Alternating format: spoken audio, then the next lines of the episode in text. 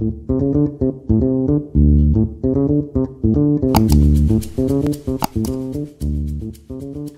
ենք նորաձևության տերմինները։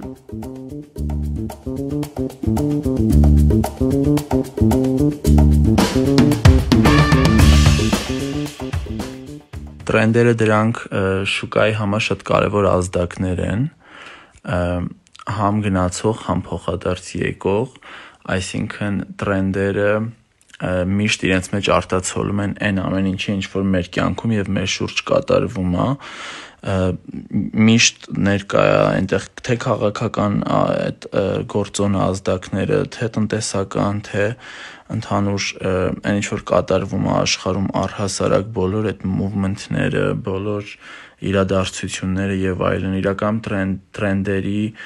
ձևավորման փուլում աշխատում է շատ շատ շատ տարբեր շատ մեծ սպեկտրի մարդկանց խմբեր եւ շատ լուրջ կազմակերպություններ են այդ տրենդ քասթերը անում եւ հետո դա որպես գրականություն արդեն դա որպես նյութեր այդպեսի արդեն տրամադրվում են նորաձևության տներին, այսինքն գնում են ձեռքեն բերում տրենդերը թյուր կարծիք կա, այսինքն մեծ massայի մարդկանց մոտ կա այն ոնց որ ուղակի հասկացողությունը տրենդի մասին, որ տրենդը դա ուղակի հագուստի սիլուետն է, դա ուղակի կտրվածքն է կամ գույնն է կամ նյութի մասին է հա գնում տրենդ օրինակ ասում են որ տվիդը շատ տրենդ է կամ լեոնը շատ տրենդ է տրենդը դա չի տրենդը շատ շատ շատ ավելի մեծ բան է այսինքն երբ որ կարդում եք լուրջ տրենդ բրոդքասթեր եւ կարդում եք լուրջ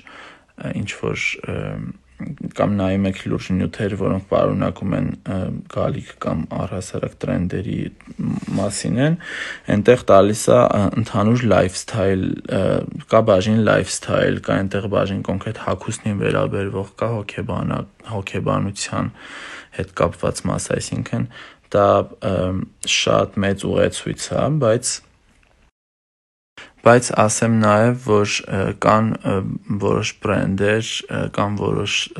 ստեղծողներ կամ որոշ դիզայներներ որոնք առհասարակ կատեգորիկ չեն օգտվում տրենդսեթերների դրամադրած ծառայություններից չեն հետևում տրենդերին կոպիտ ասած բայց դա կրում է իր մեջ շատ սպეციფიկ բնույթ, այսինքն այդ դիզայներների ու այդ այդ ստեղծագործողների մոտ դա հենց ի սկզբանե այդպես է մտածված։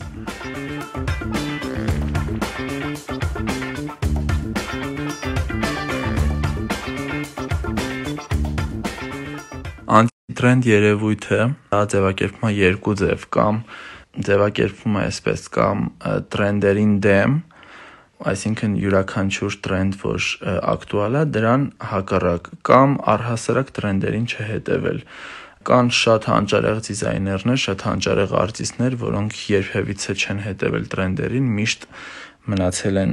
իրենք իրենց մտքի հետ կարելի ասել, երբեք կողքից ոչ մի բան իրենց աշխատանքի վրա չի ազդել եւ ամեն անգամ իրենք չեն չեն զիջում իրենց մտքի թռիչքով, այսինքն միշտ չի որ պետքա հետևել տրենդերին, ի վերջո դա բերում է նրան, որ սխալ դրա հասկանալը եւ սխալ դա վերցանելը բերում է նրան, որ բոլորը վերջ-վերջո նմանվում են իրար անտիտրենդ ու առհասարակ anti-fashion movement-ը, որը իր մեջ ունի այդ հակադրվելու եւ հակառակվելու տարը ինքը իրական շատ հետաքրքիր ուղղվածություն ու եւ շատ հետաքրքիր ժամանակահատված է եղել նորաձևության մեջ, որ ինչ որ չափով մինչև այսօր էլ էս կոմերցիոն այս կոմերցիայի գագաթնակետին հասած մեր դարաշրջանում էլի ինչ որ չափով ակտուալ է, ունի իր փոքր աուդիտորիան։ Դրա մեջ մտնում է նաև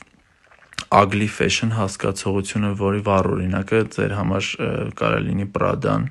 որպես կանոն ամենահետաքրքիր, ամենաէքսցենտրիկ, ամենատարբերվող եւ ամենա իրանք իրենց հավատարիմ դիզայներները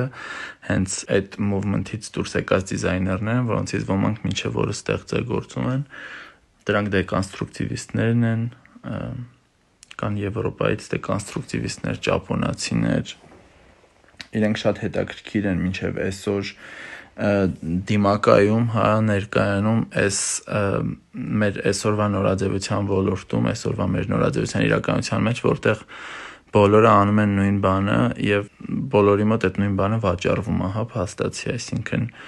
այդքան էլ հեշտ չի այսօր հավատարիմ մնալ ինքդ քեզ ու չտրվել այդ մեծ կոմերցիոն այդ հոսքին։